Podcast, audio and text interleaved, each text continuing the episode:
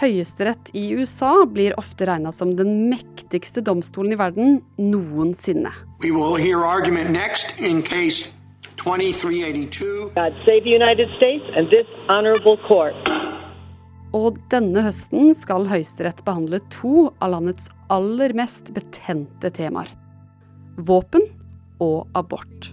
Has once again placed itself at the center of the U.S. culture wars by agreeing this week to hear a major abortion case just weeks after saying it would take up a high profile gun rights challenge. Mange frykter at resultatet egentlig er gitt på forhånd. Men er det det? Du hører på Forklart fra Aftenposten. Jeg heter Ina Swan, og i dag er det mandag 2. august. Saken er jo at denne domstolen bestemmer i veldig store politiske saker. Kjetil Hansen er utenriksjournalist her i Aftenposten. Og veldig ofte i USA så er det jo slik at stridssakene de havner for domstolene. Eh, Og da kan de etter hvert havne helt opp til Høyesterett. Eh, Og da er det ni personer der som bestemmer i mange av de store politiske stridssakene. Og nå i høst, Kjetil, så skal jo Høyesterett eh, behandle to veldig betente saker. Begge de to sakene kan forandre livet til mange amerikanere eh, i tiden fremover. Eh, Den ene handler om retten til å bære våpen uten å måtte søke om løyve til det først.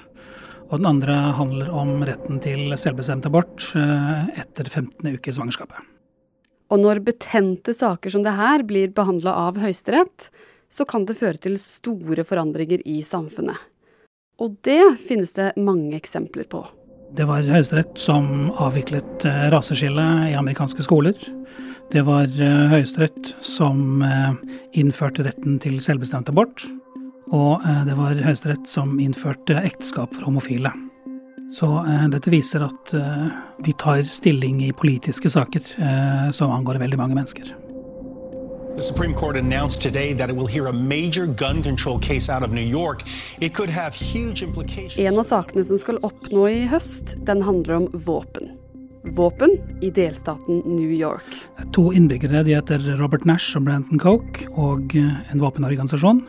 De har saksøkt staten New York. Og det er fordi at eh, New York eh, lar ikke folk uten videre få lov til å gå med våpen. Man har lov til å ha våpen i hjemmet sitt, til selvforsvar. Men hvis man skal gå bevæpna ute på offentlig sted, så må man ha en tillatelse. Og for å få en tillatelse, så må man ha en, en grunn, a proper reason. Og det eh, bestrider disse. De mener det er i strid med Grunnlovens eh, rett eh, til å eie og bære våpen. Og dette søksmålet her, det har delstaten New York valgt å gå imot. Blant annet fordi man frykter at det kan føre til mer skyting og vold på gata, men også at saken kan bli en prinsipiell seier som kan påvirke våpenloven i andre stater. I dag så er det jo mange stater som har en god del regler om hvordan om man får kjøpt våpen, eh, hvordan man skal oppbevare dem, eh, om man kan gå med dem ute. Eh, og det frykter folk at det skal bli borte i flere steder i USA. I hope you can feel how dehumanizing it is to have the autonomy over your own body taken away from you. Og den andre saken som skal opp i Høyesterett i høst, den handler om retten til selvbestemt abort.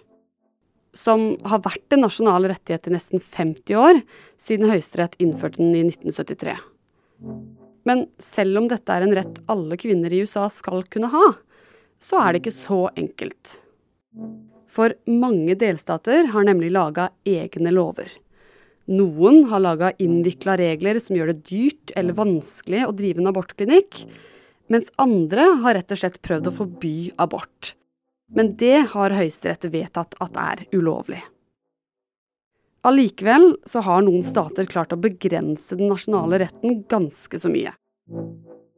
Og en av dem er delstaten Mississippi. Mississippi er eh, en stat hvor det faktisk er bare én abortklinikk, og så er det et par legekontorer i tillegg som utfører eh, aborter. For i 2018 så vedtok Mississippi en lov som forbød aborter etter uke 15 i svangerskapet, selv i tilfeller av voldtekt eller incest. Men i praksis skal jo kvinner i USA kunne velge abort til minst uke 22. Så nå skal denne loven tas opp i Høyesterett. Og de skal bestemme om loven får stå eller ikke. Og hvis denne loven får stå, så frykter jo mange at eh, da kommer andre delstater etter eh, med lignende restriksjoner. I de første to månedene i år så ble det lagt frem 384 forslag om å stramme inn retten til selvbestemt abort i amerikanske delstater. Uansett hvilken vei disse to sakene vipper i Høyesterett, så vil det trolig få ringvirkninger for resten av landet. Og på papiret kan sakene se avgjort ut allerede.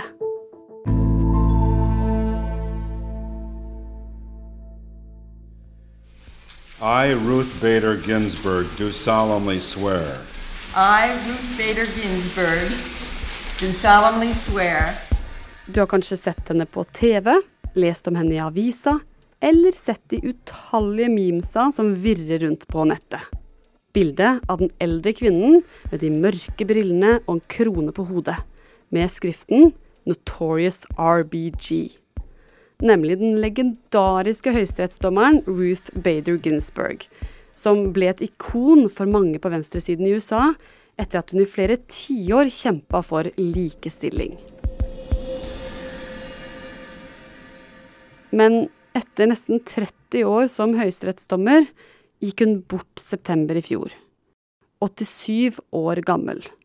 Now, a time for mourning for a remarkable career and life well lived, but also a loss rocking the political universe tonight. The battle lines over the court's future already being drawn. Folk var da allerede da redde, fordi det var to måneder igjen til valget. Og de så for seg at president Donald Trump skulle utnevne etterfølgeren hennes.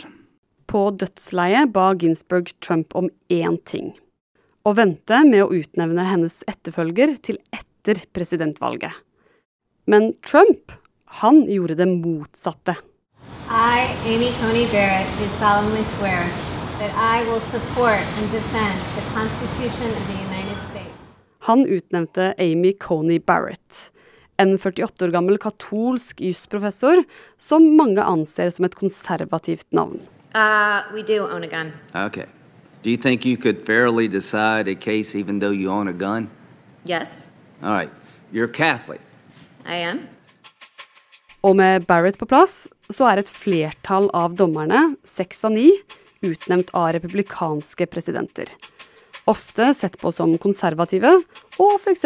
imot abort og glad i våpen. Og når det kommer til Barrett, så sier hun selv at hun ikke vil la sin kristne tro eller politiske syn påvirke hvordan hun tolker Grunnloven. Men flere er likevel bekymra for at det vil føre til at domstolen går i en mer konservativ retning. På USAs venstreside så var de redde for at Amy Coney Barrett skulle innskrenke retten til selvbestemt abort og utvide eh, retten til å bære våpen. Og eh, på USAs høyreside så håpet de jo dette og drømte om det. Men de konservative høyesterettsdommerne har ikke oppført seg slik som mange hadde trodd. Den første store saken kom ganske tidlig, og den handlet om valget.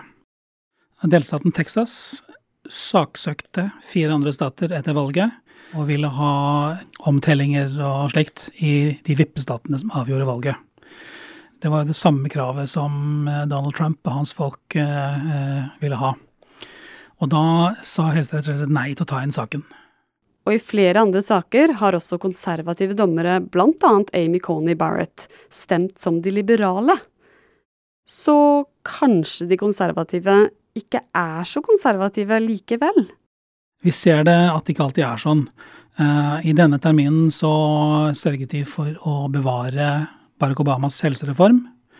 Eh, og de gikk ikke så langt som de konservative ville i å eh, la noen diskriminere homofile fosterforeldre. Dette henger sammen med at de er jo for så vidt konservative, men de har også en juridisk filosofi. Disse dommerne er først og fremst fremragende jurister. Og de konservative dommerne de eh, vil ofte legge mer vekt på lovteksten og hva grunnlovsfedrene mente, enn de liberale kollegene. Så hva slags juridisk filosofi dommerne har, kan egentlig bety mer enn hvilket parti presidenten som utnevnte dem, hører til. Og et siste navn som er en pådriver for at jussen skal telle mer enn politikken, det er denne karen her. Um, I view the vote this morning as confirmation Nemlig John Roberts, lederen av domstolen. that judging is different from politics, and I appreciate the vote very much. Høyesterettsjustitiarius John Roberts er eh, en veldig varsom og forsiktig jurist. Og han misliker intenst at dommerne skal se på oss som noen slags eh, minipolitikere. Så for at dommen i enkeltsaker som våpen og abort ikke skal få prinsipiell betydning, gjør Roberts noe lurt. Han skriver nemlig dommer og uttalelser som er ganske smale, noe som betyr at den ene saken han har sett på og behandla, ikke skal få betydning for lignende saker i andre stater. Og i motsetning til politikere, så har de som sitter i Høyesterett råd til å være upopulære. For uansett hvor dårlig jobb noen mener at de gjør, så sitter de som regel til de dør. Eller velger å gå av selv. Eh, Sånn at det er ingen som kan kaste dem, eh, verken av politikere eller velgere, hvis de er misfornøyd. Disse dommerne er først og fremst eh, fremragende jurister, og de vil ikke bli anklaget for å være politikere. De har ikke noe behov eh, for å gi etter.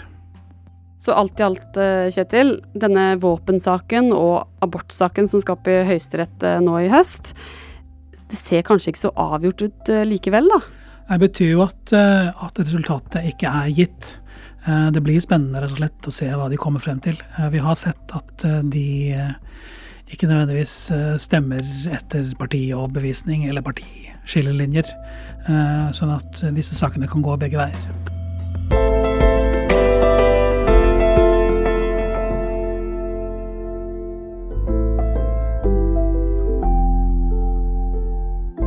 Denne episoden er laget av produsent Peter Daatland og meg, Ina Svaan. Resten av Forklart er Marit Erikstad Gjelland, Fride Næss Nonstad, Anne Lindholm og Guri Leil Skedsmo. Du har hørt lyd fra Reuters, AP, The Guardian, NBC, Supreme Court sine sider og CBS.